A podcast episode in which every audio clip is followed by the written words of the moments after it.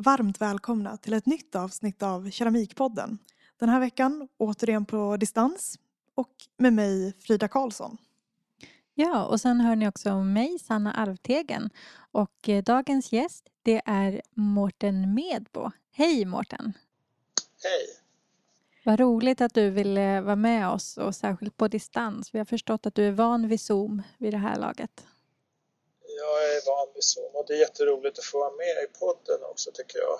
Ehm, men jag sitter mycket framför Zoom och undervisar elever på Konstfack. Just det. Mm. Mm. Och eh, för både oss och våra lyssnare som eh, ju inte kan, kan se vart, vart du sitter någonstans, vill du beskriva vart du befinner dig just nu? Just det, jag bor tillsammans med Hanna Stale som jag lever tillsammans med i en gammal skola i Katrineholm. Så just nu sitter jag nog i något gammalt lärarrum tror jag, som ser ut ganska mycket som ett gammalt lärarrum. Eh, men sen har jag också ateljé i en annan del av huset. Det är ett väldigt stort hus. Så jag har för första gången i livet en riktigt fin ateljé faktiskt. Ett gammalt klassrum med högt i tak och stora fönster. Så. Vad härligt. Hur, hur länge har du haft den ateljén? Eh, nu, jag tror att efter Konstfack, jag gick ut Konstfack 92, eh, då flyttade vi till Gotland så bodde vi där i 24 år ungefär. Mm.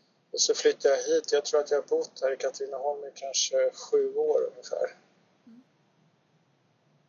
Och nu är, är första gången som du har liksom den verkstad som du har drömt om? Jo, just det. Jag hade väl en ganska så här en verkstad som organiskt växte fram på Gotland så att till slut efter många år så fanns det både vatten och värme. Inte så mycket ta takhöjd och inte så mycket ljus för det var en gammal laggård. Men ganska okej okay till slut. Men ganska rufft i början kan man säga. Mm. Och i huset i Katrineholm, arbetar ni båda två hemifrån eller har ni varsin ateljé? Jo, det är så fiffigt att det fanns två identiska klassrum som ligger vägg i vägg så vi har liksom varsin exakt lika stor men spegelvänd ateljé. Så. Vad fint. Det låter jättehärligt. Ja, jo, men det är härligt faktiskt. Och jag, det är jag som jobbar med keramik då. Hanna jobbar med fritt med skulptur. Så. Det. Så det enda jag är lite missnöjd med är att det inte är betonggolv i den delen. Det är faktiskt betonggolv överallt annars i det här gamla huset för att de har haft någon slags röta i golvet men just den delen är nybyggd. Och, mm. så, men det är okej, okay. jag är jättenöjd. Mm. Så. Och innan vi djupdyker ner i ja, men det, det du gör keramiskt, skulle du vilja berätta för våra lyssnare vem, vem du är eller presentera dig? Ja, jag, eh, jag, jag ser på mig själv ganska mycket som keramiker eh, och det är leran liksom som har dragit in mig i det här området. För, men jag liksom, vad ska jag säga, min praktik är, är vidare än bara lera så, så att jag jobbar i jag har jobbat kanske jag ska säga ganska mycket i glas tidigare eh, men då inte själv särskilt mycket utan eh, mer som formgivare, glaskonstnär kanske man kan kalla det för. Men sen har jag också jobbat ganska mycket med offentliga arbeten, gestaltningar och då har det varit i alla möjliga material. Så. Eh, och ibland har jag varit väldigt djupt inblandad i formningen av de här materialen och ibland är det mer att jag har lagt ut det arbetet. Men leran har alltid varit närmast och leran har alltid liksom ägt processen själv. Så, så att den är det viktigaste på något sätt och själva ryggraden i det jag håller på med. Ungefär så. Sen kan jag kanske säga också att, att jag är lite överutbildad i det här laget så jag är även doktor i, i lera. Alltså jag har tagit det som doktorsgrad i konstnärlig forskning inom ämnet konsthantverk med specialisering lera, keramik. Och det, började, alltså det blev möjligt 2010 så jag har hört den första kullen forskarutbildade konsthantverkare kan man säga. Just det.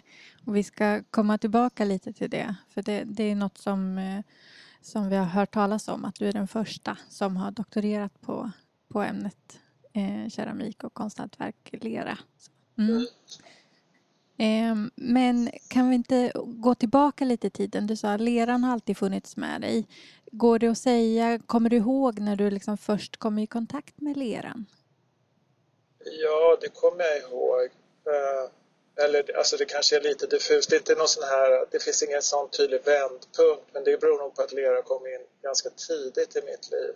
Om man tänker på materialet lera. Eh, så var det, alltså, jag är uppvuxen på 60-70-tal så och då var det ju Alltså det, det, var så här, på sätt och vis för barn en ganska fin tid tror jag på många sätt. Eh, och min mamma var väldigt konstnärligt intresserad och hade som ung gärna velat liksom, prova den banan. Men det gick inte för att det fanns inte studielån och så vidare. Det var dyrt att studera så att det blev inte så. Men hon, hon var ganska så här riktad på att ge oss goda förutsättningar och utveckla våra, liksom, vårt konstnärliga intresse kan man säga. Så hon köpte ett paket skollera hette det i järnaffären som, som jag, alltså det var jättetidigt, jag var fyra fem år kanske. Och jag tyckte det var jättekul men det var en massa andra kul här, saker som kom in i mitt liv via min mamma och lite i skolan så där. Så att det var inte som att lera hade en särställning tidigt. Men sen så när jag, när jag började högstadiet så fick man välja fritt valt arbete då valde jag keramik och det tyckte jag var jätteroligt. Och då kunde, då, alltså vi hade ju ingen brännugn hemma utan vi höll bara på att forma den där leran när jag var fem, fyra, fem år. Men då gick det att bränna och det blev jag väldigt fascinerad över och det liksom fångade mig väldigt mycket. Den där metamorfosen från plastiskt mjukt till hårt glasat glaserat så. Mm. Men det var fortfarande inte som att lera var något som jag tänkte på som något som jag skulle ägna mitt liv åt. Utan det som, som var avgörande var att jag kom på kant ordentligt med gymnasieskolan som jag gick i och blev djupt osams med en lärare som jag tyckte var väldigt orättvis och, och mobbande. Så, och det, den konflikten blev så stor så att det slutade med självklart att jag hoppade av för skolan orkade inte ta i den konflikten utan stod helt och hållet på lärarens sida. Jag tyckte att vuxenvärlden svek. Jag ville inte vara kvar liksom. Mm. Det gick inte. Och då så var jag kanske så här, ja men då var jag jättevilsen. Jag visste inte alls vad jag skulle göra men då råkade jag se en annons om att Sankt Görans gymnasium att det fanns en nystartad utbildning på Sankt Görans gymnasium i Stockholm som skulle handla om att rädda hantverk som hotade att försvinna för att det inte fanns för att den gamla strukturen med lärlingar bröt sönder och det fanns inget nytt istället. Då startades det en sån hantverksutbildning och jag gick tillsammans med perukmakare, stuckatörer och, och juvelfattare och allt möjligt, korgmakare, eh, körsnärer och sådär. För att jag skulle kunna eller det var, ja, men det var ju lite konstigt för det fanns även krukmakarinriktning men det var ju mer en vanlig keramiker liksom praktik jag hamnade i. Men det var så det började kan man säga och då blev jag ju fångad. Eller sen dess har det ju varit keramik som är mitt liv och det här hände när jag var i 17-årsåldern. Sen dess vet jag liksom att jag är på den plats som jag vill vara kan man säga. Mm. Men man gjorde en skillnad där på krukmakare och sa du keramiker? Nej, man gjorde inte en skillnad egentligen. Så kan man säga. Alltså den inriktningen jag gick kallades krukmakarinriktning och då gick jag i praktik hos, på ett krukmakeri fyra dagar i veckan. Men det krukmakeriet var inget klassiskt krukmakeri. Det var mer, jag vet inte vad man ska kalla det, någon slags här, det finns sådana krukmakerier nu också jättemycket, om man nu ska kalla det krukmakeri. En del är ganska stränga med vad det är, det är det jag menar. Mm. Så det följde inte i någon särskild tradition, det stället jag var på. Mm. Det var lite så här allt möjligt. Man gjorde blomkrukor och muggar med lite måsar och moln och liksom, det var en så här, vad ska vi säga, en väldigt snabb produktion av, av inte jättehistoriskt förankrad keramik. Ungefär så kanske man kan beskriva det. Mm. Men det var bra. Eller jag menar, jag lärde mig vad en produktion var, kan man säga. Jag lärde mig kanske inte så jättebra, jag drejade en del, men, men det var lite sådär, jag vet inte. Jag tycker inte att det var där jag liksom fick kläm ordentligt på leran. Det hände senare. men jag tyckte om lera, alltså där jag ville vara i den där processen. Så att, hantverket. Tänker i din eh, avhandling så, ja, jag har inte läst, läst hela, men jag, jag har läst ganska, ganska långt i den. Eh, jag tänker du beskriver ju ganska mycket om eh, ja, men just vägen till keramiken och de olika erfarenheter som du fick längs den här vägen. För var det efter det här, om vi nu ska kalla det för ett krukmakeri, som du hamnade på Gustavsberg? Just det. Ja.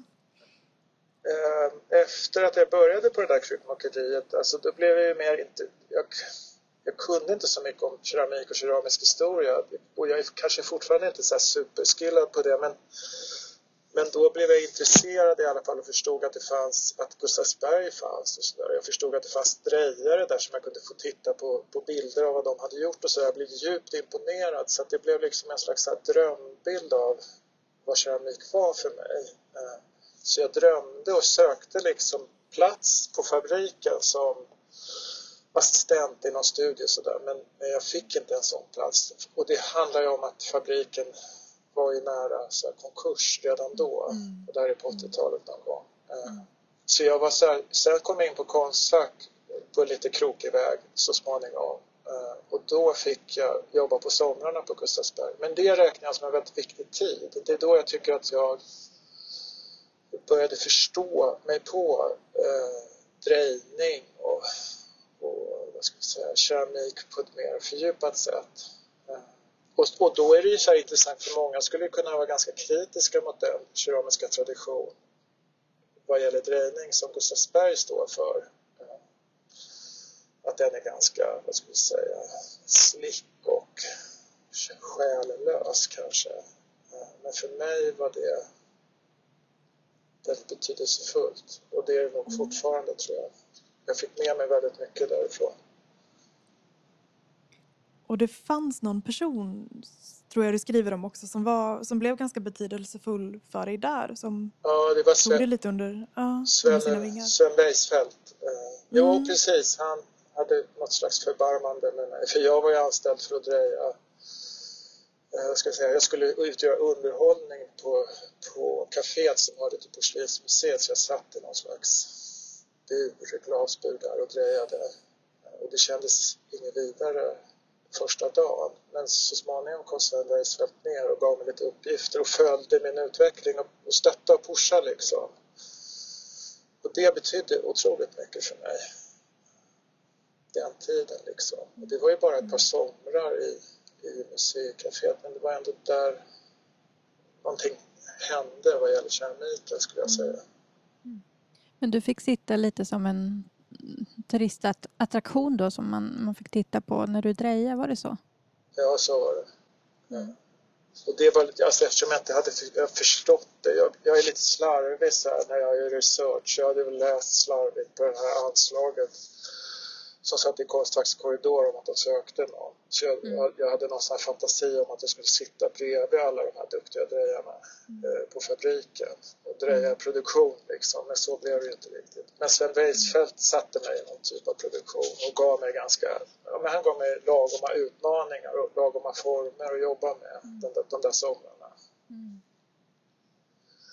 Så det var ju, ja men det var, ja, viktigt. Mm. Det är lite, lite fint ändå. Jag tänker om, om det fanns den lite undergångsstämningen på fabriken, att man ändå orkar ge uppmärksamhet åt någon ny, att man inte bara ger Ja. upp på något vis. Jo, men det, det tycker jag också. Jag tror att jag skriver om det också i min avhandling, att jag tycker att det finns något rörande i det att, att Sven såg mig och förstod mig och gav mig något. Men jag tror också, jag har ju, an- alltså, jag har ju intresserat mig väldigt mycket för hantverket som sådant sen jag började den här forskningen. Alltså, jag har alltid varit intresserad av hantverk men som en praktik men jag blir också intresserad av hantverk ur en mer filosofisk synpunkt. Och jag tänker att det finns så mycket så här etik och dygdighet kopplat till hantverk som intresserar mig väldigt mycket. För jag tänker också att det, alltså om man talar om dygdighet, så här, inom konsten så, så blir det ju liksom lite kortslutning för det ligger liksom helt i konflikt med idén om konsten och konsten som fri, att man skulle följa någon slags tradition eller böja sig för en historia och sådana grejer eller böja sig för en, en eller för så skulle man kunna beskriva det. Jag tycker att det är lite fel, det leder lite fel när man tänker så. Men, men den här mesta lärling situationen är väldigt kritiserad delvis med rätta, men det finns också någonting fint i den situationen. Men det hänger kanske lite för mycket på det personliga för att man ska kunna tycka att det är helt okej. Okay. Men om, om man träffar på en bra person, en bra kunnig person och är lärling så är det väldigt rikt att få vara liksom. Mm. Precis som det blev för mig med Sven Bergsfeldt då. Mm. Det finns ju något, något väldigt bra med den situationen. Mm. Men att det kan förta det lite om, förstår jag det rätt, att, eh, att det kan bli för styrt och för, för mycket att man bedömer vad som är bra och dåligt? Ja, det, jag vet inte. Jag tänker om man, skulle, om man tänker sig situationen att lära sig dreja så tänker jag att det är ganska bra att få veta vad som är bra och dåligt mm. hant, hantverksmässigt sett. Men däremot kan man träffa på någon så kallad mästare som kanske inte ens är mästare och som är dum och elak. Liksom. Mm.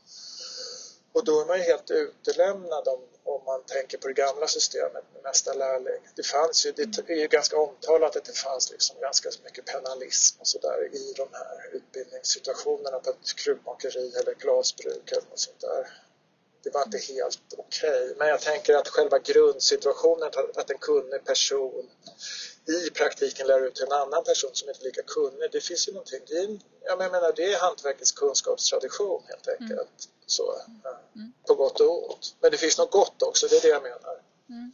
Bredvid det där som är problematiskt. Ja, jag tror jag förstår. Vi lyssnade på ett företag som du hade i Oslo, jag tror det var 2018 där på KIO. Mm. Och då pratade du bland annat om att du brukade, hade en period där du döljde dina drejade former. Ja, det kan man säga. Vill det började ju med drejning för mig. Eller keramiken började med drejning och i min värld så var drejning centralt i, i en tanke på bara keramiker eller eh, krukmakare eller brukskeramiker. Så. Eller jag tänkte, alltså det där med keramiker och brukskeramiker, det var ingen, det var ingen större skillnad när jag började mina utbildningar. Det liksom ingick så himla tydligt att man gjorde bruks om man var i keramik. Eh, eh, så att drejning var jättenaturligt. Men, men efter att jag tagit min examen så Ja, men då tänkte jag att jag skulle etablera mig som brukskeramiker men, men jag gled liksom mer och mer åt ett, vad ska vi kalla det för? Jag gled åt konsten till. Det blev mer och mer skulptur och mindre och mindre funktion kan man säga. Och i det glidandet så slutade jag dreja. Jag började gjuta och enkelpressa och sånt där istället. Eh, och jag hittade liksom ingen plats för den kunskapen i, i det nya som kom in i min praktik. Så då upphörde jag dreja offentligt. Men jag kunde inte sluta dreja så jag drejade kanske i smyg. Eller jag, drejade, jag vet inte vad man ska säga. Jag fortsatte att dreja och jag försökte också hitta nya vägar men det gick trögt. Så att under en ganska lång period, kanske närmare tio år, så, så fanns det inte särskilt mycket drejning i det offentliga.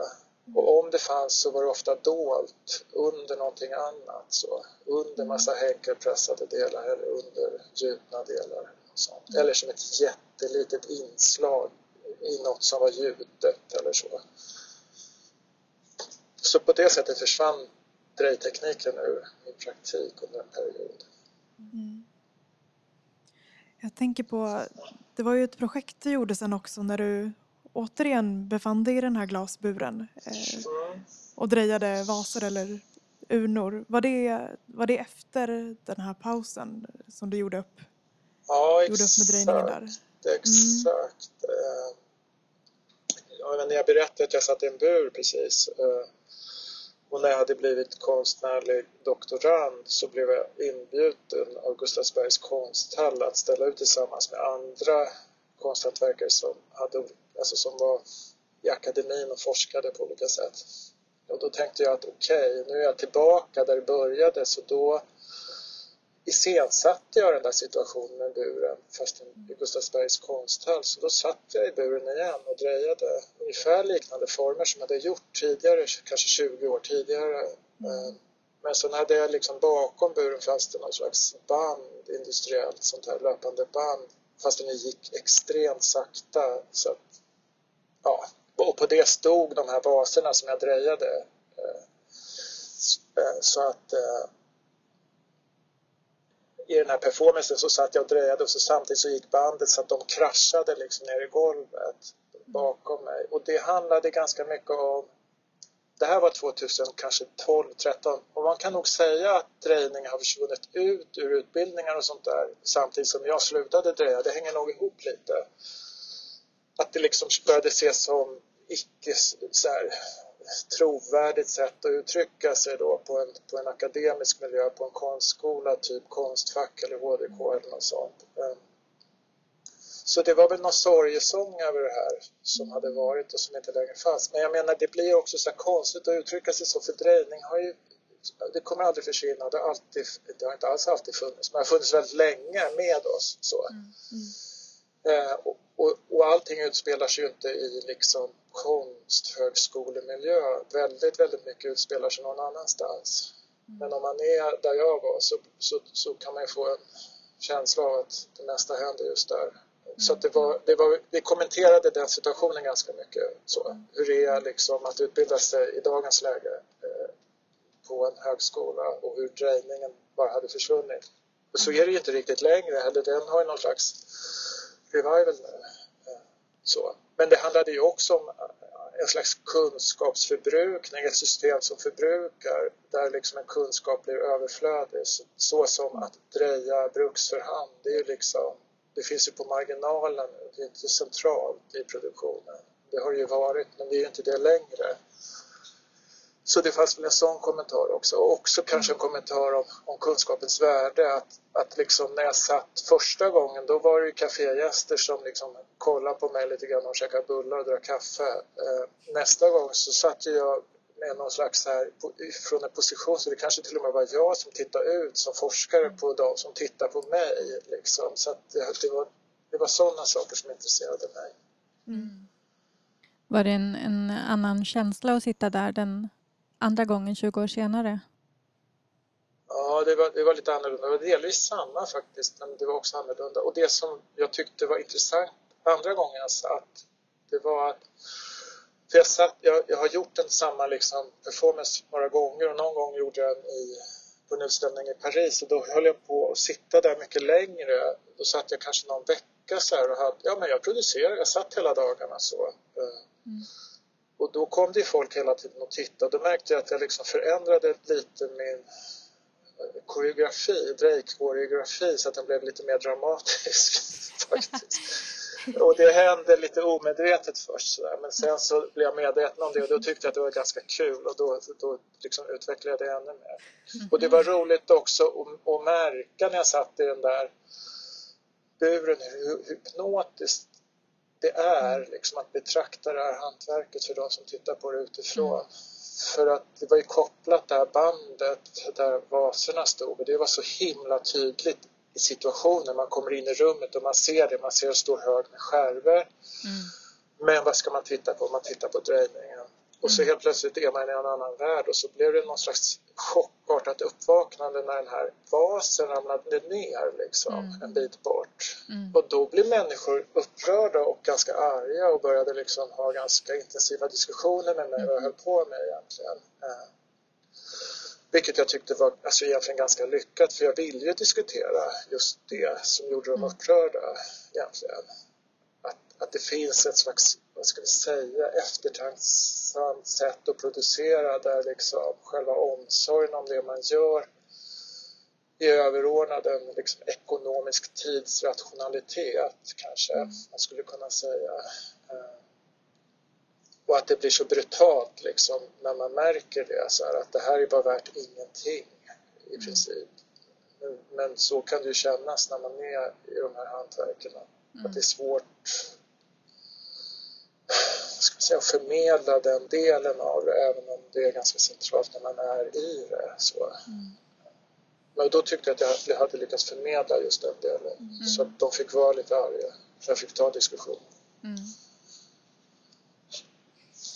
Jag tänker du som ändå har producerat Bruks ändå på, ja men du hade den, den rutinen. Kunde det göra ont i dig att se en drejad vas liksom, gå i tusen bitar eller hade du blivit immun mot det? Ja, vad ska jag säga, just den här situationen blev jag immun. Men tänker jag så keramiker kanske man inte är immun, men man är ganska luttrad tycker jag mot, mm. mot vad ska jag säga, motgångar. Och jag vet i den här i den första miljön där jag var lärling då i två år på den här gymnasieskolan då bar vi allt godset på plankor. Det var ingen så ergonomisk lokal. Det skulle bäras i trappor hela tiden fram och tillbaka, upp och ner.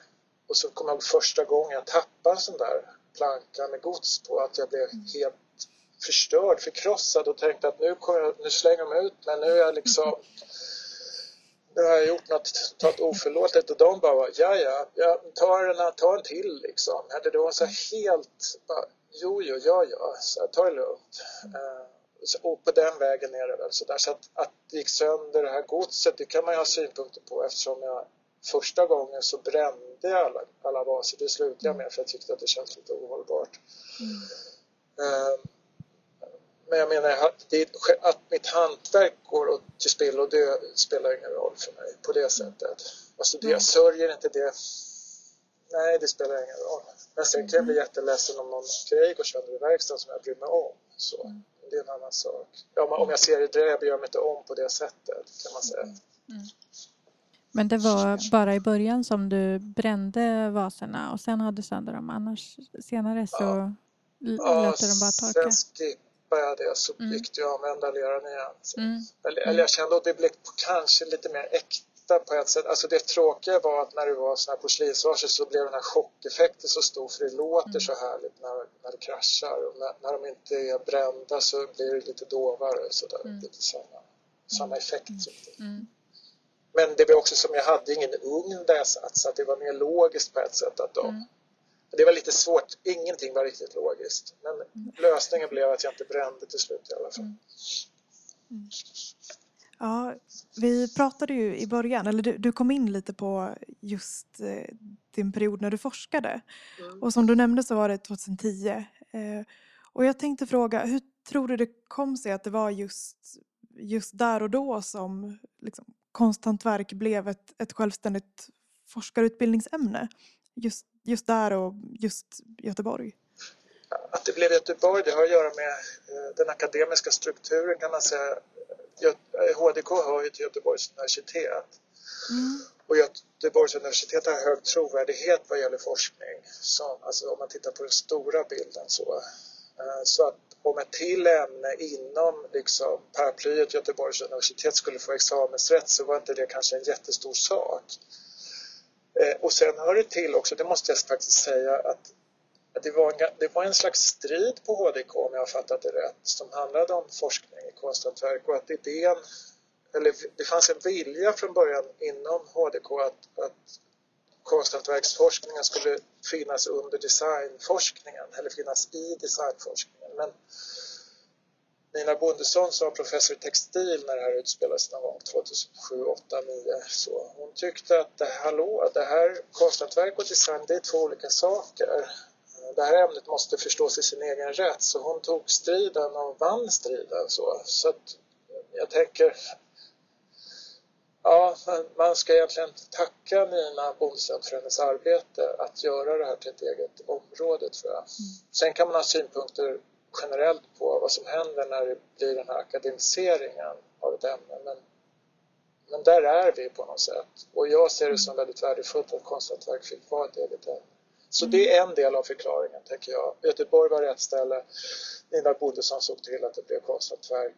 Och sen hänger det också ihop med utvecklingen, tror jag, inom fältet under sent 90-tal, tidigt 00-tal eller kanske hela 00-talet, där det liksom talas om, om det konceptuella konsthantverkets genombrott på något sätt. Det fanns ju en föreställning och en idé om att konsthantverket led brist på olika saker, typ teori och sånt, eh, under den här perioden. Och det här är väl ett svar på det kan man säga, eh, att, att verkligen producera den här teorin då. då mm. Som inte ansågs finnas i tillräcklig utsträckning. Och det kan man också diskutera naturligtvis. Mm.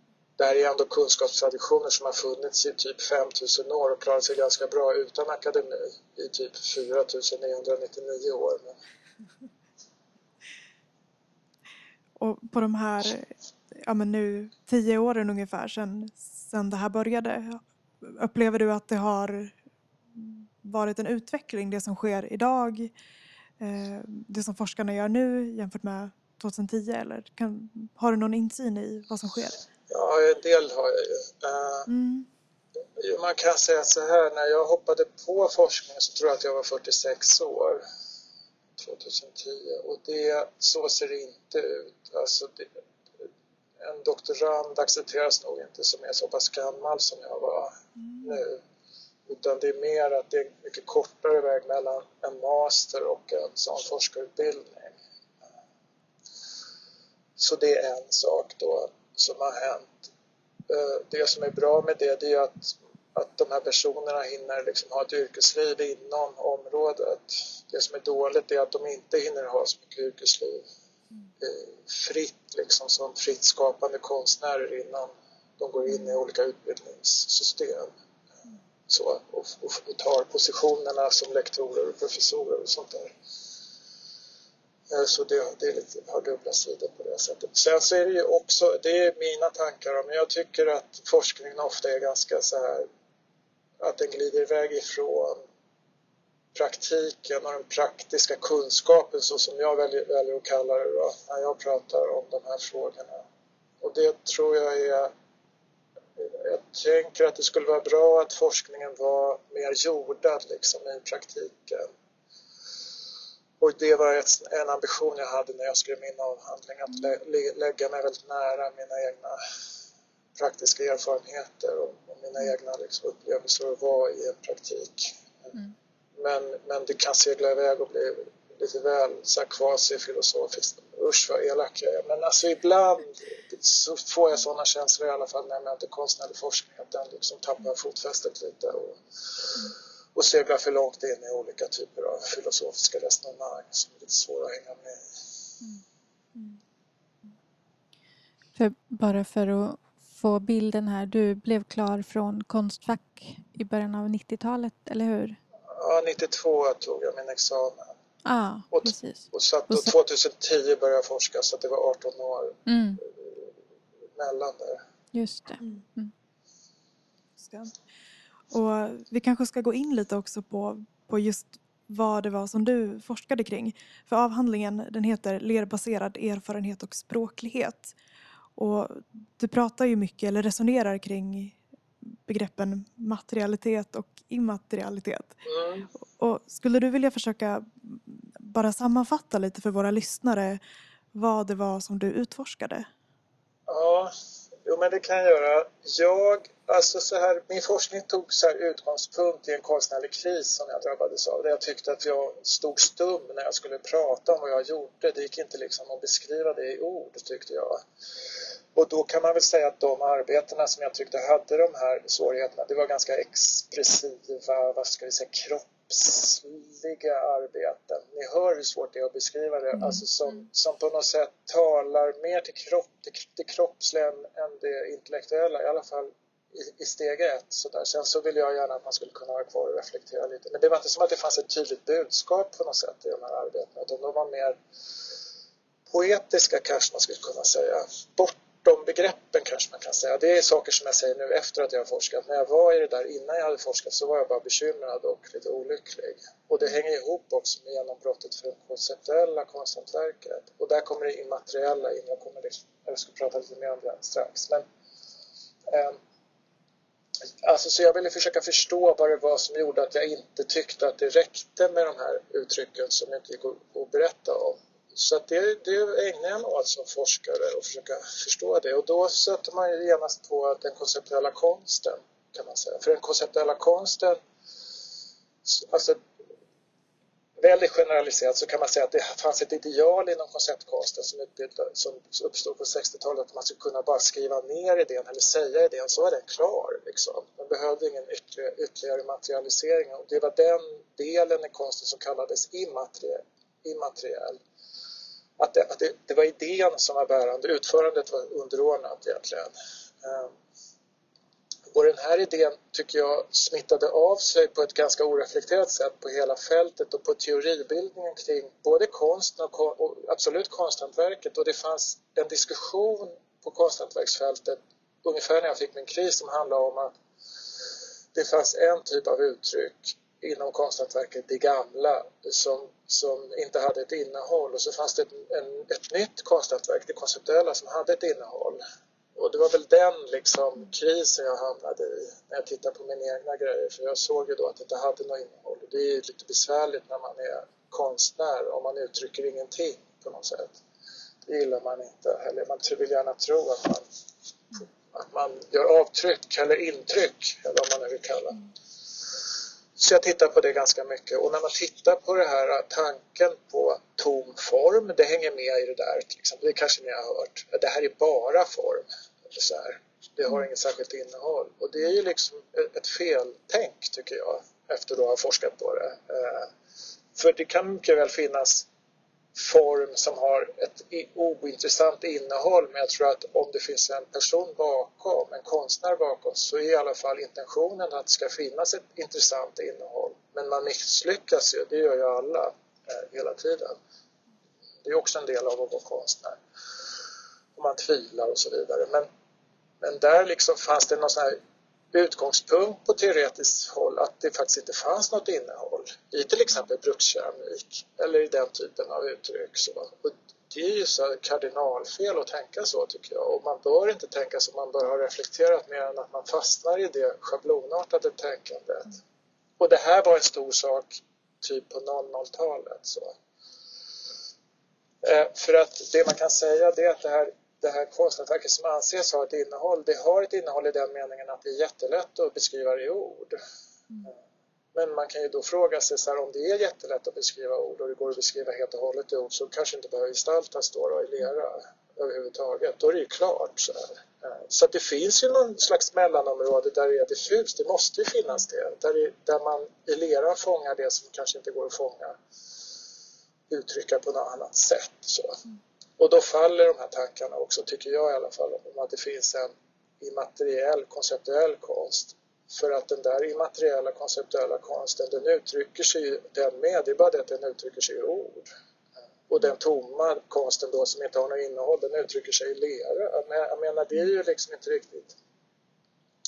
Nu, nu förenklar jag kanske lite grann och kanske också är det lite obegripligt det jag säger, det vet jag inte riktigt, det kan ni svara på. Men men kontentan av det hela i alla fall, det jag kom fram till, det jag fortfarande gärna säger, det är att, att man måste acceptera alla typer av uttryck inom konsten på dess eget villkor, dess egna villkor. Och den lerbaserade språkligheten spänner ju ifrån så väldigt hardcore konceptuella uttryck så. Där det finns konstnärer som Sandra Ahl och vad heter det, Caroline Slotte och Kjell Rylander till exempel till, till mer, vad ska jag säga, åt andra hållet skulle man kunna nämna, nu nämner jag sådana jag får upp huvudet, till exempel Kenneth Williamson, han kan vara lite så konceptuell också, men när man tittar på hans bruksproduktion så är den väldigt poetisk och drabbande tycker jag. så. Men exakt hur den är det eller hur man ska beskriva det i ord, det är svårt att säga. Det måste man ju uppleva och möta grejerna tycker jag. Mycket mer. Mm. Och då tycker jag att man måste titta titta på, på konsthantverket på det sättet att så här mycket spänner över och vi måste ta hänsyn till det. Vi kan inte liksom ha något här schablonartat uttryck om att det här är bara liksom eh, form eller det här tycker jag är jättedåligt för det är så himla dåligt hantverk i det här konceptuella så det tänker jag inte ens titta på. Alltså att man är lite öppen där tänker jag och demokratisk kanske på något sätt försöker förstå och inte avfärdar olika saker för att man inte förstår. gav det här någon mening överhuvudtaget? Ja, det gav eh, mycket att fundera på. Och, och något jag funderar på direkt sådär det är hur går man tillväga? Hur gick du tillväga att, att utreda liksom de här frågorna? Är det precis som med annan akademisk forskning att det är väldigt mycket läsa andra material och så vidare? Eller, eller var det också en del praktiskt eh, utforskande med materialet? när jag gick in i forskningen och det här såg också Nina Bodesson till faktiskt så fanns det en professor som var min handledare knuten till konstverk som hette Anders Lindset och han fanns i Norge då och han fanns på en institution som kallades institutionen för, för praktisk kunskap.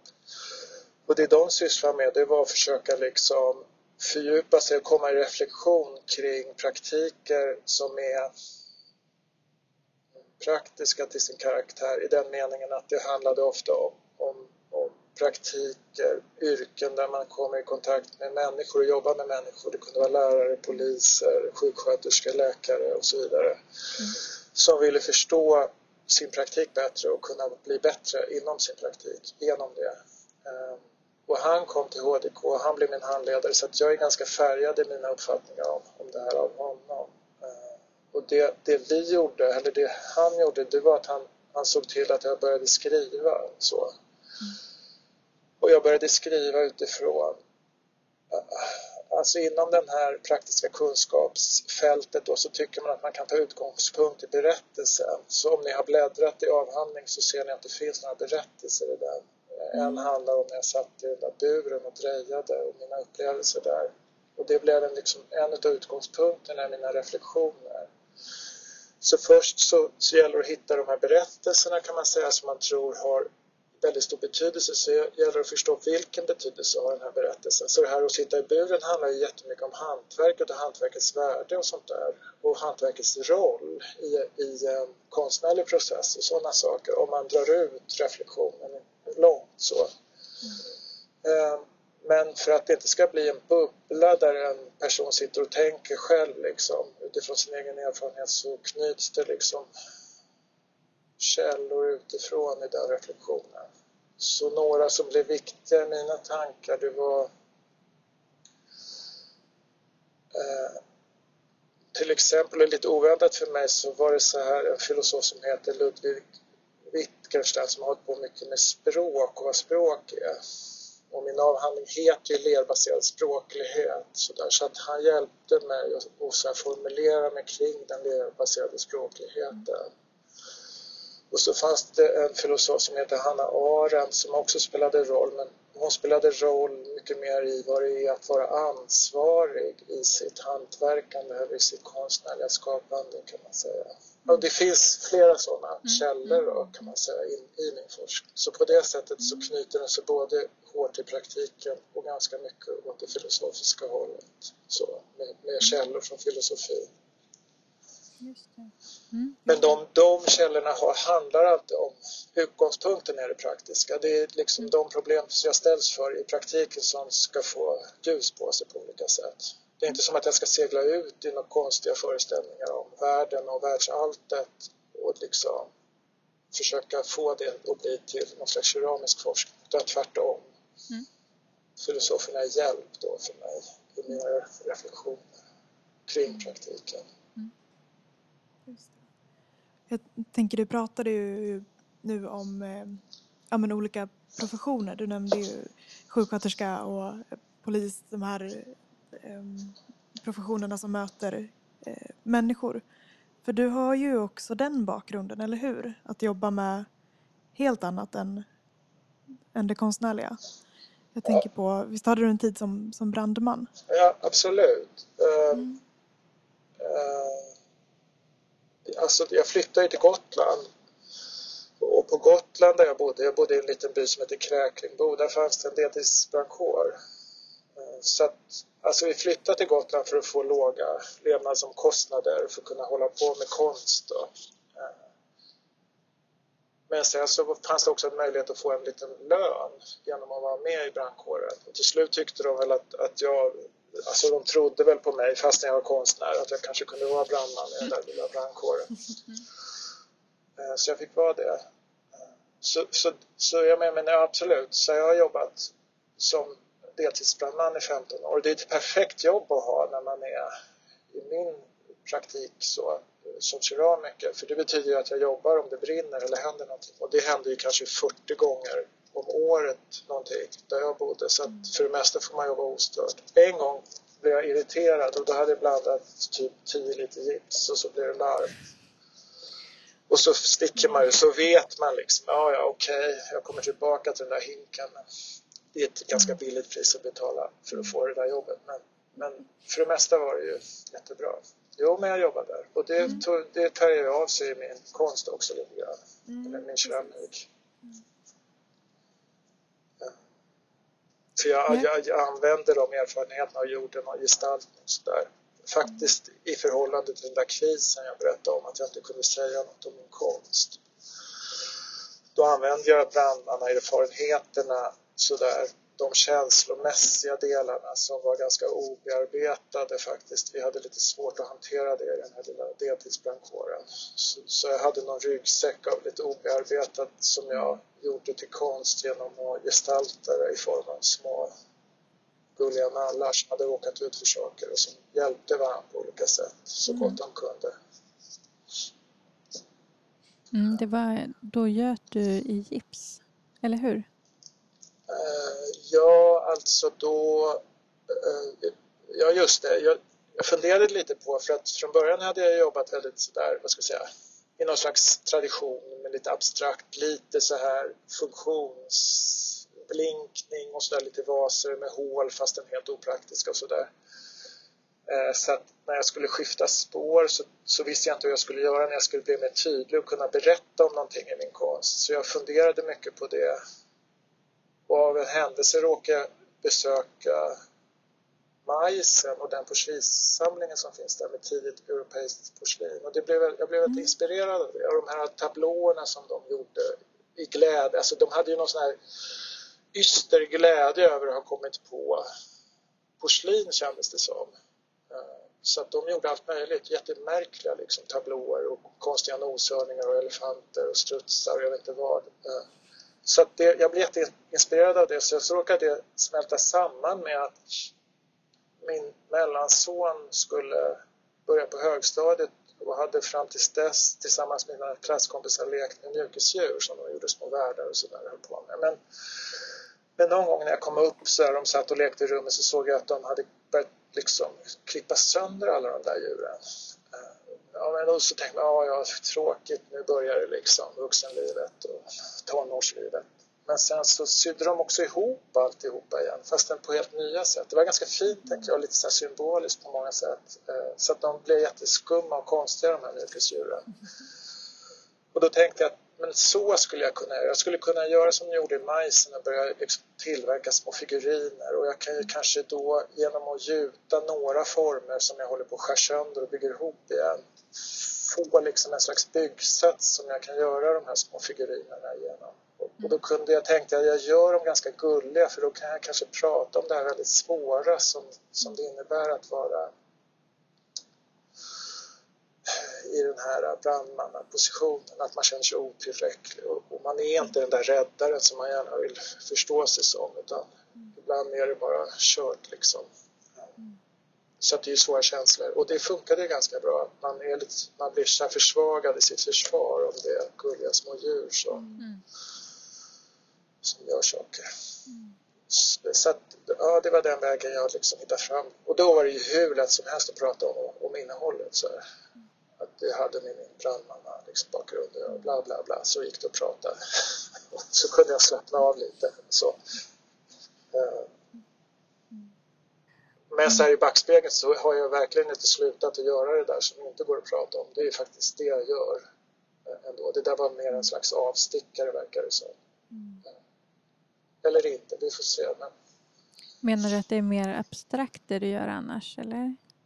Ja, jag menar att det, alltså där var det så himla lätt att knyta det till just det här som var, alltså jag fick ju idén av att gestalta en mm. historia liksom. Mm. Så det är väldigt berättande. Men om jag drejar konstiga saker så, så finns det ju inte en sån tydlig berättelse mm. knutet. För jag drejar ju väldigt mycket konstiga saker nu. mm. kan man säga, som är lite så här eh, som ligger på kanten på flera olika sätt mellan mm. olika saker liksom. Mm. Eller mellan fult och vackert och liksom motbjudande och inbjudande och, och så här kroppsligt och abstrakt. Mm. Jag gillar att jobba där sådär. Jag gillar att vara där. Ja, de känns ju vagt figurativa, många av sakerna. Eller man associerar till någonting eller till flera saker men ibland vet man inte riktigt till vad. Nej, men precis. Och det är ju meningen, tror jag, att, att det ska vara så. Mm. Och någonting som verkar återkomma det är de här bubblorna eller bollarna på varann. I olika typer av former. blivit en mani faktiskt. Men, och jag vet att jag sa för väldigt länge sedan, kanske 25 år sedan, att jag hade gjort mina sista bollar. Mm. Men, men, så blev det inte riktigt. Mm. Eh, det har blivit väldigt många bollar sedan dess. Och hur gör, drejar du ofta de formerna och bygger ihop? Ja, det är alltid drejat. Det är alltid drejat? Ja. Ja, det är helt absurt ibland när man drejar små bollar. Eller jag mm. menar, då kunde man ju lika gärna rulla en boll. Men nej, nej. nej det, det kan, kan, man inte. Och när man drejar sådana här små bollar så blir det ju evighetsarbete. Så. Men eh, det är lite så drejknarkigt att göra då, så jag kan inte stå emot faktiskt. Men är det ofta blandade tekniker? Som, är, det, är det drejat i kombination med annat eller känner du dig fri i valet av teknik? Ja, jag, jag sa till mig själv efter doktorsavhandlingen så gav jag mig själv någon ram att allt skulle vara bara drejat fastän jag fick sätta ihop drejade saker. Så jag gav en ganska sträng ram och så har jag hållit mig den ramen ganska bra. Fast den Sen har jag tyckt att den där ramen är lite absurd så nu blandar jag an, alltså, men då är det ofta underordnat och dolt så där jag kan göra konstruktioner under drejade bollar och så som inte är drejade. Mm.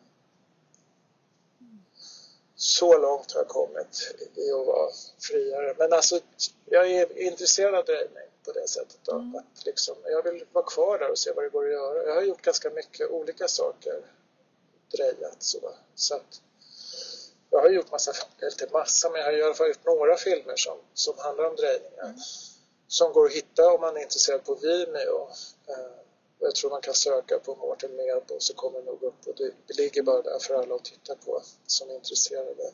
Ja. Mm. Men i alla de filmerna, vill jag minnas, så är drejningen central mm. Eh, på olika sätt. Mm. Förutsättningen liksom det tycker jag också är kul, att det går liksom att hitta nya vinklar på den här drejningen. Mm.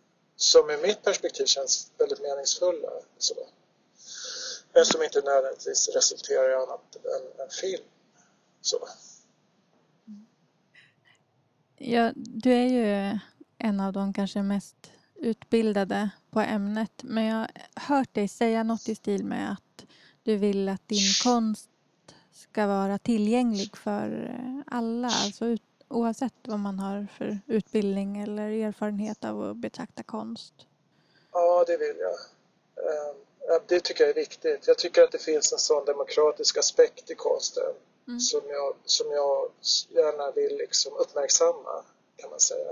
Ehm, och jag tycker konsten har just den möjligheten att vara öppen, alltså att dra in folk som kanske inte ens visste att de var intresserade så så jag menar, det är en ambition jag har. Och då tänker jag att det är väldigt bra att jobba med de här typerna av uttryck som, som jag hade så, så stora bekymmer över från början som inte är liksom så explicit uttrycker exakt just det där liksom.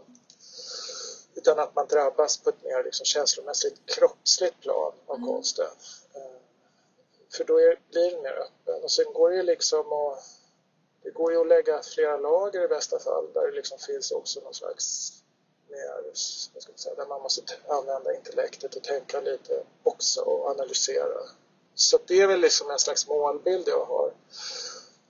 Men jag tycker det är viktigt att det finns en ingång. Och jag tänker också att till exempel humor är, är ett verktyg för att kunna vara där. så, så, jag tror att man kan uppleva mina saker som lite så här skruvade på ett lite roligt sätt. Men jag vill också att de ska inte bara vara det, att de ska också vara lite så läskiga eller liksom, det ska finnas en svärta på något sätt, helst. Det låter som att du, du tycker att det är okej okay att både titta på dina föremål och tycka att de är lustiga eller tycka att de är fina men också att stå kvar och liksom hitta mer saker. Förstår jag det ja, rätt? Så, ja, så tänker jag. Eller jag ska säga att man kan säga att det är min målbild sådär, att det ska vara så. Men jag är inte säker på den alla gånger.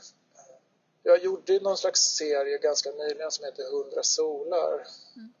Där, där det är bollar, så, oj oj oj, många bollar det är. Men, men då handlar det, alltså där tycker jag att olika spår korsar varandra. För jag, jag drejar i princip bara fram objekten. Eh, men där finns det, där det handlar om liksom kärnvapenhotet. Eh, men det är gestaltat ganska abstrakt men inte tillräckligt abstrakt för att man inte ska kunna liksom göra kopplingen om man kollar ett tag. Eh, det är också ganska tydligt tycker jag. Alltså, och då tänker jag att det är så typexempel på hur jag tror att jag vill att det ska fungera. Att först ser man skumma, märkliga former men när man, när man stannar kvar och tittar på dem tillsammans så är det som att något annat träder fram också. Under det där ganska starkt visuella så finns det också något, mm. något ganska tydligt, en tydlig tematik. Så. Jag hade också en lite, ja men, lite teknisk fråga. Ehm, jag tycker att du, du jobbar ju med, med strukturer ganska ofta. Och jag var lite nyfiken på den här strukturen som är ungefär som sammet. Det mm. kanske är en, en yrkeshemlighet men jag tänkte Nej. fråga hur du, ja, men hur, hur du åstadkommer de här sammetsartade ytorna.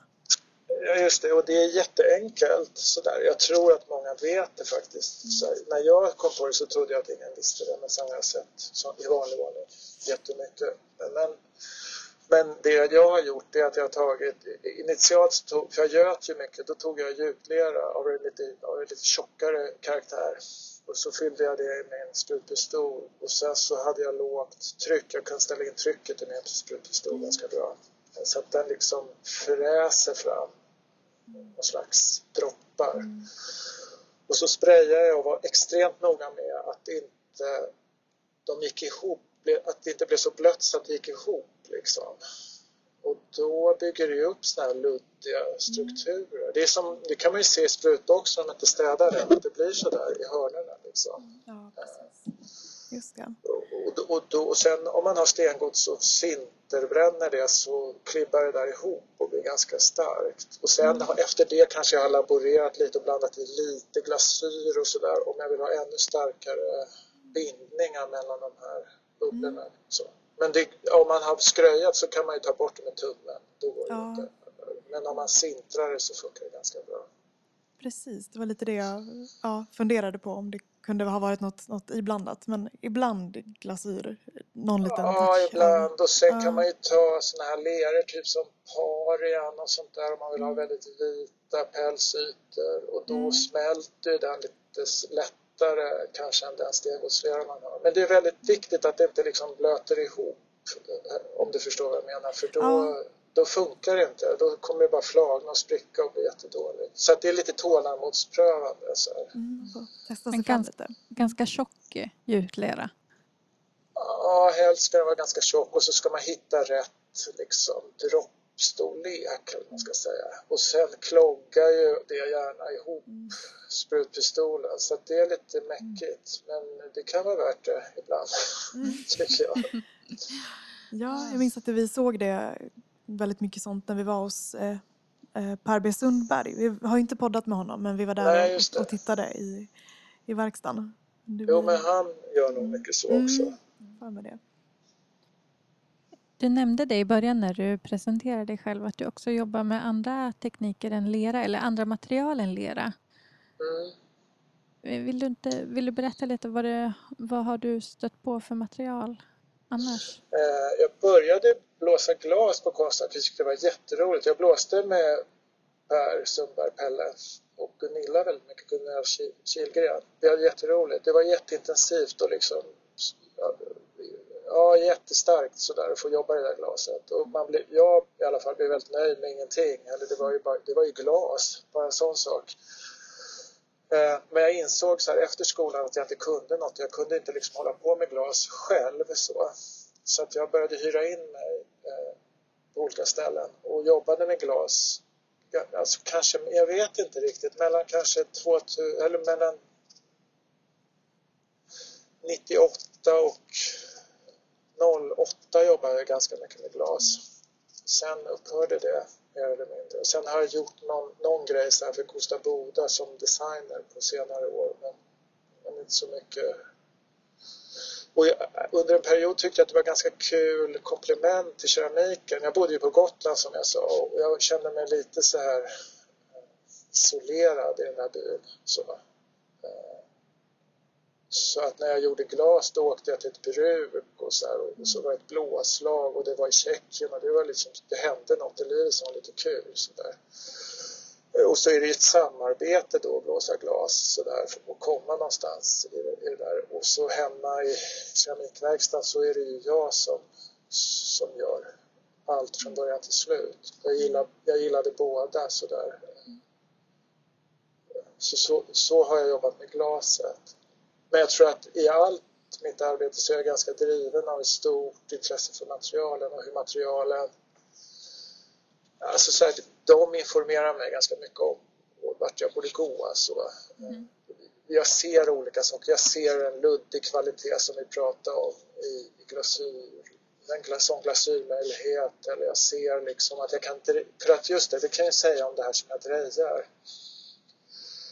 Och det har att göra med en tidigare sak i mitt liv och det har att göra med glasblåsning. Så men jag tänker att jag drejar ju så, så sluter in i luft i allting jag gör. Mm. Så jag gör ju egentligen allting färdigt på skivan plastiskt så. Eh, och, och så här lyfter av grejer som jag kan jobba med sen som ett råmaterial som är mjukt men mm. uppblåst. Eh, mm. Vilket ger en särskilda möjligheter och det tycker jag är jättekul. Alltså det är det som intresserar mig med de här drejade formerna som jag jobbar med, att de äger sin plasticitet.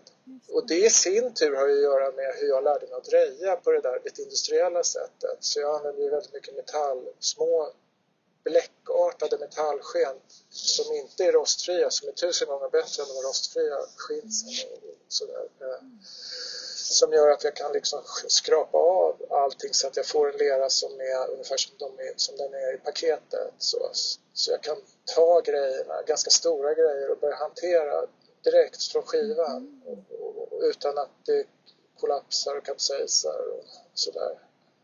Och då kan jag utnyttja det här mjuka så att man liksom får kvar det när man sätter ihop Att det ser ut faktiskt som ballonger som man sätter ihop på något sätt. Men det åstadkommer du genom att du är det att du tar bort all form av slicker som finns ja, just det. ytan? och så dödar man ju ytan skulle en del säga. Den blir ju som en sån här fribergvas eller någonting. Utan ja. spår av någon, någon hand eller så. Mm. Men då får jag den möjligheten att göra det där råmaterialet som jag vill jobba med. Sådär. Och jag är så otålig, jag skulle inte stå ut med att liksom, försöka pricka någon torkställe där man liksom exakt här kan jag jobba. Det är sånt orkar jag inte hålla på med. Mm. Men då kan jag jobba direkt liksom. Med där. Mm. Fast det så blir det ju inte heller. Jag drejar ju några hundra, nej inte hundra, men jag drejar kanske 50 stöten och så jobbar jag med dem. Och då är alla lite olika torrar. Men då lär man sig så här att utnyttja det för då kan man använda de där hårda för att trycka emellan några mjuka och så får man ganska mycket uttryck just där och sådär. Mm. Men är de alltid, bollarna, de är alltid, liksom luften är instängd? Ja, det är också konstigt för jag gör bara så instängd luft. Jag drejer såna här munkringar ganska mycket också mm. nu. Eh, mm. Som ett råmaterial och formar vidare på som jag hänger upp liksom. Mm. Både i ugnen och när jag gör det hänger det på olika träpinnar och sådär. Eller trä, jag hänger det på saker som motsvarar ugnspelare så att jag kan ta en ugnspelare och hänga upp i ugnen sen. Så kan man säga. Men om jag stänger in luft i det så liksom även de får ju en sån lite uppblåst cykelslang-karaktär mm. liksom. Mm. Som jag tycker väldigt mycket om. Och så, då tänker jag också så här, ja men hur skulle jag gjort det här då på något annat sätt i lera? Ja, det skulle gå. Jag skulle kunna gjuta det och då skulle jag vara tvungen att hålla på och jobba med cykelslangar så skulle jag vara tvungen att göra tusen olika formar för varje liksom läge. Men om jag drejar det så är det ju rationellt på ett sätt. Det gillar jag. Sådär. Att, att den formningstekniken har en logik i förhållande till, till det jag gör, till det, till det jag liksom utnyttjar. Och det hänger kanske också ihop med det där materialintresset jag sa, att materialet informerar mig. Så vet, den, den här egenskapen finns i en, i en boll med innesluten luft. Jaha, vad kan jag använda det till? Och så undersöker jag det. Liksom. Så materialets egenskaper, ser du det som en, en fördel när du ska göra saker? Jag, jag tänker just att, att resultatet kanske aldrig blir exakt så som man visualiserade det.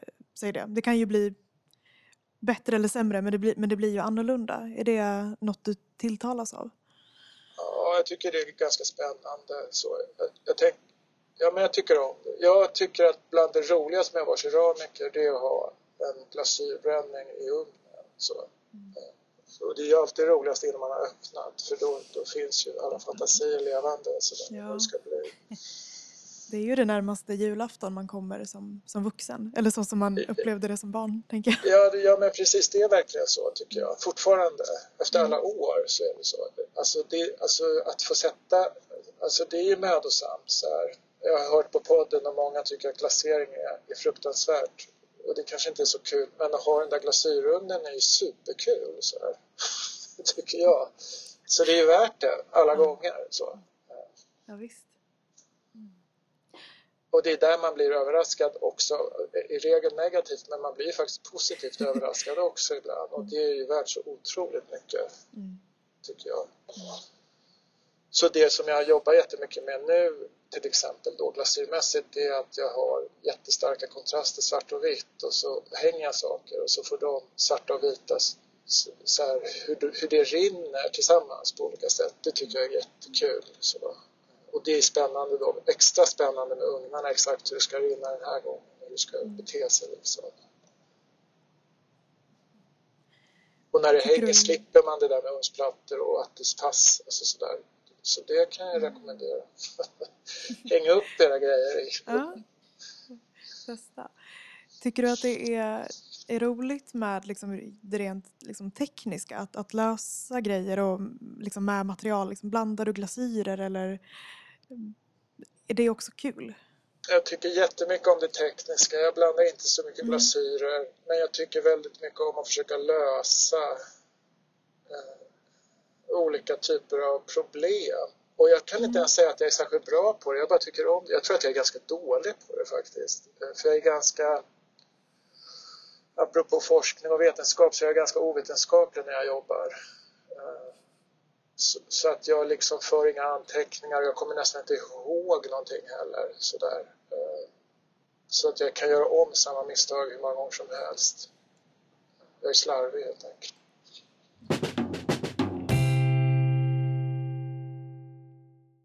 Du nämnde i början att du, eh, innan vi började kanske, att du undervisar 50% på Konstfack. Ja. Och resten av tiden så arbetar du då i din ateljé? Japp, jo. Ja. Det är tanken. Men nu har det kanske blivit lite mer konstfack. Det är lite råddigt att driva undervisning under coronatid. Sådär, så mm. För att... det tar extra kraft och energi helt enkelt. Ja. Vad är din roll på Konstfack? Eh, jag är lektor i keramik. Mm. Eh, och jag, när jag tog jobbet visste jag kanske inte exakt vad det är men det innebär att jag håller i, i i ett antal kurser, i regel kurser där studenterna har egna projekt, alltså jobbar i sin egen praktik. Mm. Och då så handlar det mycket om handledning och så har jag också delar som handlar om att föreläsa och liksom ta in ett mer teoretiskt innehåll också i, i de här kurserna som är praktiskt, i huvudsak praktiska. De gör konst så, mm. eller keramik på olika sätt. Mm. Och det är jättespännande och väldigt roligt så här långt. Och det ska bli superroligt att få se hur jag undervisar utan coronarestriktioner, för det vet jag inte riktigt. Nej. För du är ganska ny ett, som lektor? Ja, jag har jobbat ett år så jag hann, hann väl uppleva någon månad utan restriktion. Mm. Sen, mm. sen dess så är det ju Zoom mm. som styr mitt liv. Yep. Ditt och många andras liv. ja. ja. Men vad gör du för någonting i den egna ateljén just nu? Jag håller på att runda av ett gestaltningsuppdrag som jag haft eh, och som faktiskt är lite intressant keramiskt sett. Jag har inte jobbat med keramik någonsin tidigare med en offentlig gestaltning men nu gjorde jag det på en simhall i Enköping, Pepparrotsbadet heter det. Eh, och då kontaktade de mig för att jag jobbar med lera. De ville ha någon som jobbar med lera så, så att jag, hade, jag var tvungen att jobba med lera då den här gången. Mm. Men då var det ett tredelat uppdrag. Så en del handlade om att göra skulpturer som skulle stå utomhus oskyddat så då blev det brons. Och det, visst, det fattar de också, uppdragsgivarna, att inte det är så bra att göra keramisk skulptur som står i vårt klimat. Så, men eh, sen skulle jag göra en fasad också. Och det är det som är det roliga keramiskt tycker jag. Eh, så då började jag Alltså, de ville att jag skulle jobba med fasadtegel för de hade ett det sista fasad, alltså murtegelbruket som var kommersiellt och i drift, det låg i Enköping så jag började inleda ett samarbete med dem, Haga tegelbruk. Eh, så det är massa drejade såklart bollar som är på de här tegelstenarna. Eh, för jag jobbar på tema bubblor då. Mm. Eh, så, såklart det med kan man kanske tycka men det var väldigt roligt. Så det är liksom som tegelkluster kan man säga. Det är som att det sitter ihop ett antal tegelstenar enligt förbandstypen som det muras i. Då. Mm. Så att det går att räkna ut vissa geometriska figurer som funkar att mura in. Liksom. Det har jag gjort. Och så har jag gjort sådana tegelstens... Vad ska man kalla det? Jag har gjort de där klustren, kavlat och liksom. Och sen har jag och på den yta som syns utåt så är det massa drejade bubblor. Mm. Och det var viktigt att det skulle synas, synas att de var drejade så där kunde jag inte använda mina sken som jag gillar så mycket. Men det var kul det med, det gick bra det med. Men det var ett roligt projekt tycker jag. Det var roligt att få gå in och jobba på det sättet i byggnaden liksom. Sådär. Mm. Och arkitekten tyckte också att det var jättekul att jag ville det och försökte göra det. Det är ett gammalt sätt att jobba som liksom inte passar in i nutiden så bra. Mm. Och jag tycker att det blev ganska fint också. Mm. Så det har jag precis avslutat. Ja. Eh, och, det, och det som kommer det är en utställning på bruket på Avesta Art. Eh, den har väl vernissage tror jag. Jag har deadline den 31 mars. Jag mm. borde jobba för det just nu kanske. Men, men jag, ganska mycket färdigt sådär. Men och då blir det drejad, sån här knasig, konstig, lite läskig keramik. Mm. Eh, skulpturalt alltihopa. Ja. Kommer, kommer den stå i sommar den utställningen? Ja, det kommer den. Ja. Den pågår nog en bit in under hösten också tror jag. Ja men vad roligt. Då, då dyker vi ja. upp. Ja, okej. Okay. Jag tänkte också fråga eh, om, om du länge har kunnat leva på din keramik och, och när det i så fall kom till den punkten? Det kom till den punkten direkt när vi flyttade till Gotland kan man säga. Eh, alltså fast det har alltså funnits perioder som har varit väldigt tuffa men, mm. men våran, våran, våran liksom strategi det var ju att ha så låga omkostnader som möjligt. Men då är ju vi en sån här, alltså både han och jag är väl så här gynnad, med, eller gynnad, men vi är så här medelklassbakgrund så att eh, Hanna som jag lever med, hon hade en lägenhet i Stockholm, en etta, som alltså var hennes, en bostadsrätt som hon kunde sälja så kunde vi köpa ett hus på Gotland. Mm. Så det var ju förutsättningen kan man säga. Men därifrån så innebar det att vi inte hade särskilt höga utgifter. Och sen fick jag det här jobbet som brandman och då var vi liksom hemma på något sätt. Då, då hade vi den tryggheten vi behövde. Och sen dess kan man väl säga, jag vet inte hur man ska räkna, men då tycker väl jag att vi har levt på konsten. Men jag har ju levt på att vara brandman så det stämmer inte mm. riktigt. Men, Men, men sen dess har det i alla fall varit den huvudsakliga sysselsättningen har varit att vara i konsten, så kan man säga. Mm. Men sen hoppade jag på den där utbildningen och det har ju jättemycket med min praktik att göra men det kanske är något annat, jag vet inte. Men som fri, fri utövande så, så var det sen jag flyttade till Gotland och kanske fram tills att jag doktorerade. Ja.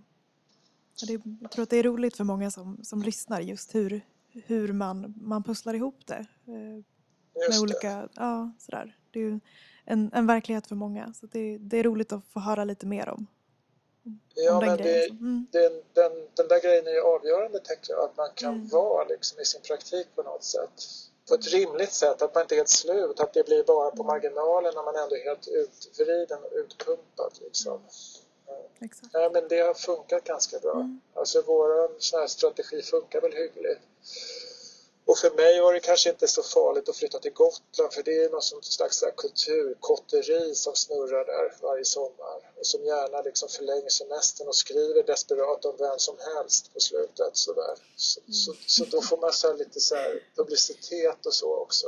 Eh, I alla fall om man är konsthantverkare. Mm. Och, och, så finns det ju liksom kollegor och sådär. Det finns ju det finns liksom en värld som mm alltså det finns en kollegial värld på plats så, där, så det, det var ju skönt tycker jag. Jättemånga klasskompisar flyttade samtidigt med mig.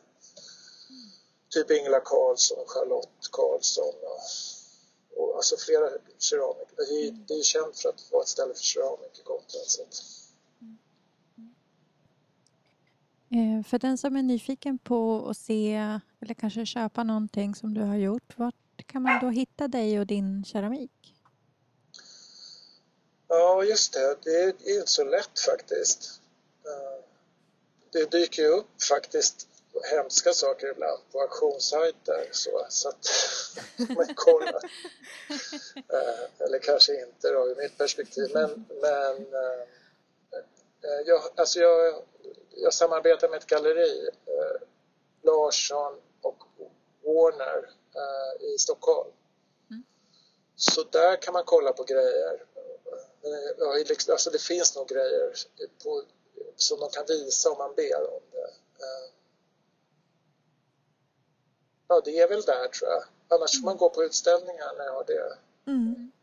Och lite finns på din hemsida också om man bara vill få lite en, Just det, och en bild av dina... Ja. Instagram och mm. där försöker jag liksom hålla någon slags information om vad som sker just nu och sådär. Mm. Så ja men visst, så kan man ju försöka hålla koll. Mm. Men sen också så här så hör det till bilden att det har blivit någon sån här, vad ska jag säga, jag tyckte väldigt mycket om att vara med i de här kooperativen som jag var med i. Eh, dels för att man liksom så autonomt bestämde vad man ställde dit, det var jätteroligt tyckte jag. Kanske de andra inte tyckte det var lika roligt, men jag tyckte det var kul. Eh, och sen var det någonting, det fanns en närhet till kunder likt sådär på något sätt. Eller man upplevde det i alla fall, tycker jag. Och det har lite gått förlorat. Så jag känner mig så distanserad mot de som eventuellt köper och de som köper i en helt annan kategori nu när jag är mer på inom, vad ska vi säga, gallerivärlden. Där är priserna väldigt annorlunda jämfört mm. med konsthantverksvärlden. Mm. Var det ett medvetet val eller har det liksom långsamt glidit över mer att, att det är där du har exponerats? Ja, det har nog glidit över åt det hållet tror jag. Mina uttryck har ju blivit mer och mer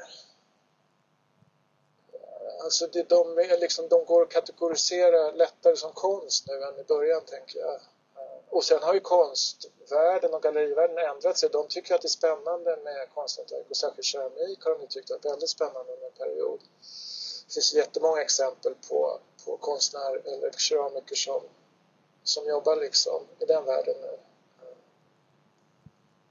Och sen vet jag inte riktigt, för det här kanske så här speglar också något gammalt, att det finns en slags hierarkisk ordning i den här världen där kanske konsten tronar lite ovanför konsthantverket. Mm. Det vet jag inte riktigt. Alltså på något sätt så känns det ju så. Då känns det ju så här. Det känns ju som att det är ett erkännande att vara i den världen om man säger så. Det kanske är lite sorgligt egentligen om man tänker efter att, att, att gå med på det. Eh, men det skulle ju också kunna vara en möjlig förklaringsmodell, tänker jag. Mm. Om man ska vara lite självrannsakande. Så. Mm. Jag förstår. Mm. Sen finns ju din avhandling, den kan man också hitta, eller hur, på eh, eh, Göteborgs universitet.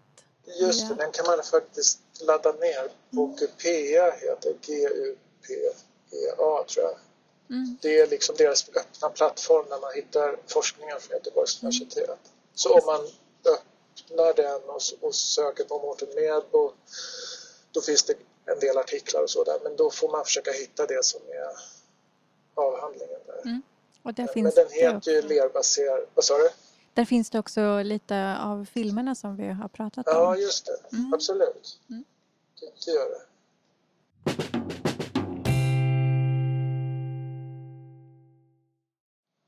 Eh, finns det något verktyg som du inte kan vara utan? Jag tycker väldigt mycket om min kniv.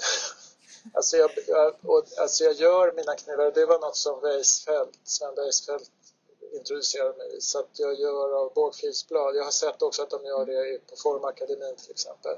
Mm. Kanske gör det överallt. Men jag tycker väldigt mycket om de här sågbladsknivarna. Mm. Som är väldigt, väldigt användbara. Man blir väldigt olycklig om man av någon anledning har slarvat bort den. Så, och lite så hand, står det lite handfallet. Men då kan man göra en ny, det är också bra. Om man har ett sågblad vill säga. Och lite verktyg. Mm. Är det då att du tejpar eh, på handtaget? Det tror jag vi fick göra. Eh, nej, absolut nej, nej, inte faktiskt. Nej. Okay. Och sen ska själva den tandade sidan vara på uppsidan av kniven. Mm. Eh, eller, alltså, alltså tand, tandningen ska vara mot spetsen eller vad man ska säga. Så att man har en väldigt Ja, då har man en sån där keramisk liten såg eller man kan sätta fast handtag, man kan sätta fast små bollar till exempel i mitt fall.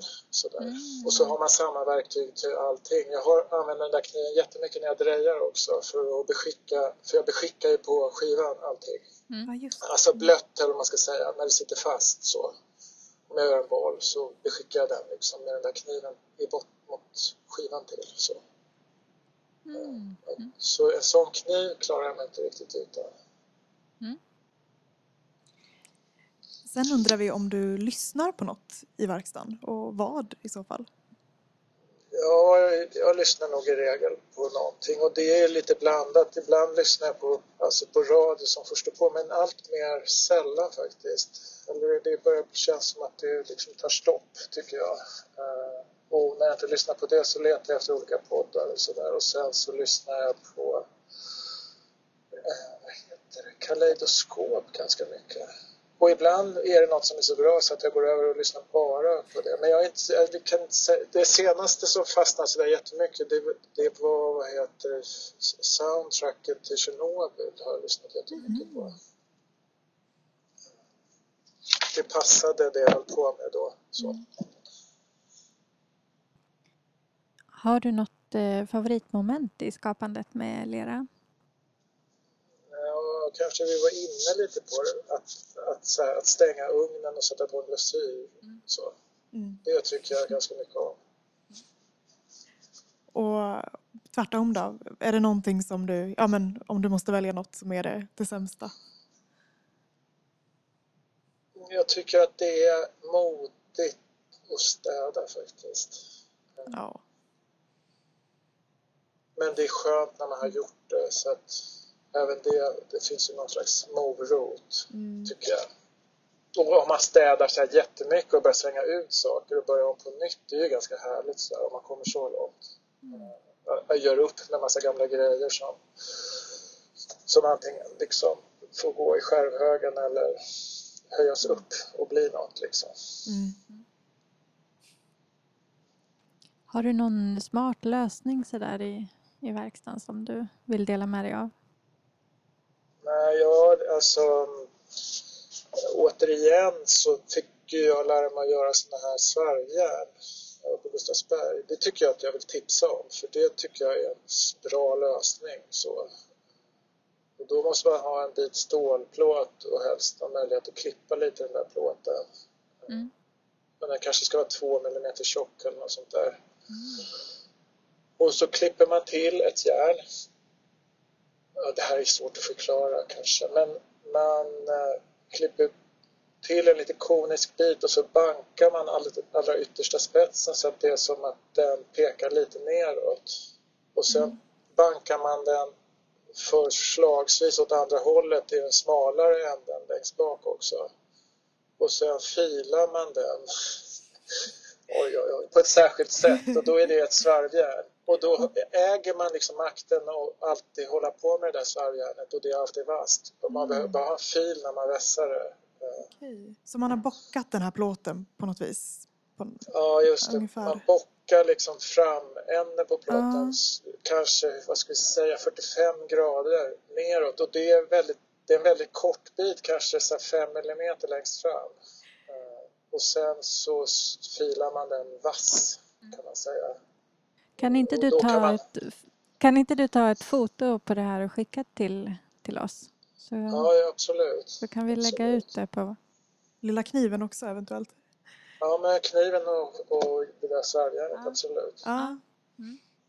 Men just det, och då kan jag bara tillägga att möjligen är det liksom ett dåligt svärjärn för somliga för att det kräver ju att leran har en viss torrhet för att funka bra. Mm.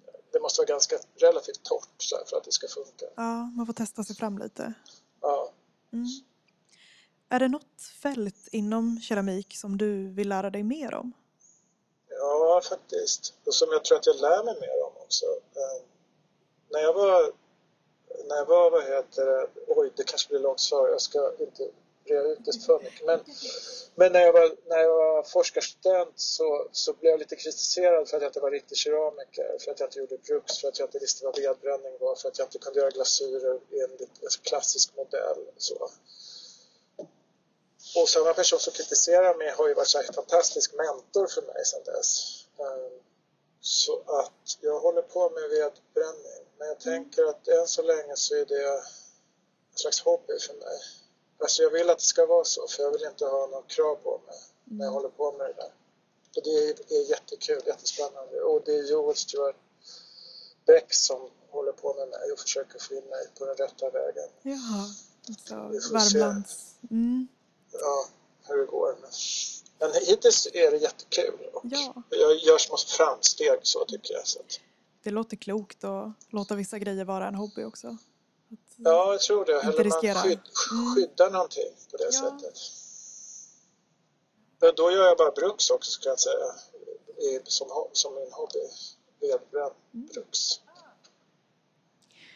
Har du varit med om något eh, haveri sådär i verkstaden eller inför en utställning, någon katastrof? Mm. Jag har eh, jag höll på och skulle gjuta jättestora saker, verkligen stora saker. Jag var på en Tova-fabrik i USA på Residency och där gjuter de jättestora toaletter så att det var liksom riktigt stor size. Det var säkert så 60, 70, 80 liter gjutlera i formen som såklart rämnade. Mm. Eh, så det, det var väl en ganska jobbig katastrof att behöva städa det där sen. Mm. Men alltså det var ju en, nej, det, det är ju bara en rolig, men det har inte varit någon sån där tragisk katastrof vad jag kan komma på. För det skulle ju också kunna vara. Men mm. Det är mer anekdotiska katastrofer så här långt. Skönt. Ja. Eh, vem eller vad får inte komma in i din verkstad?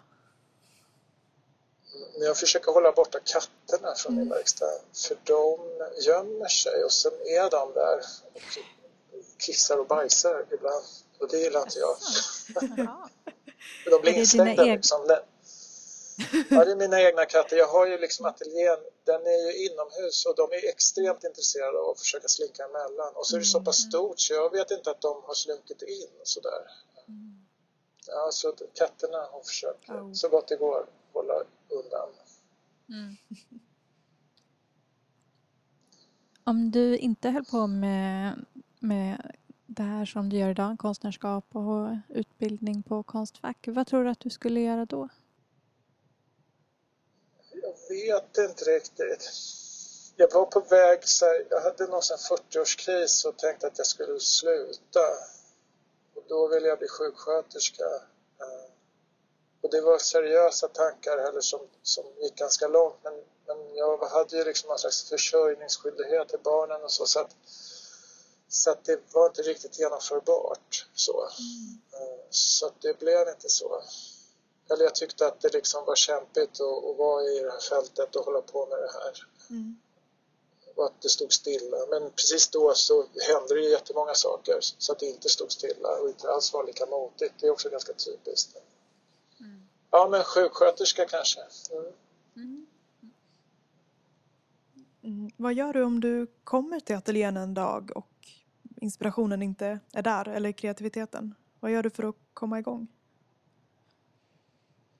Jag vet inte, jag distraherar mig, dricker jättemycket kaffe kanske, håller på alldeles för mycket med mail och sånt där.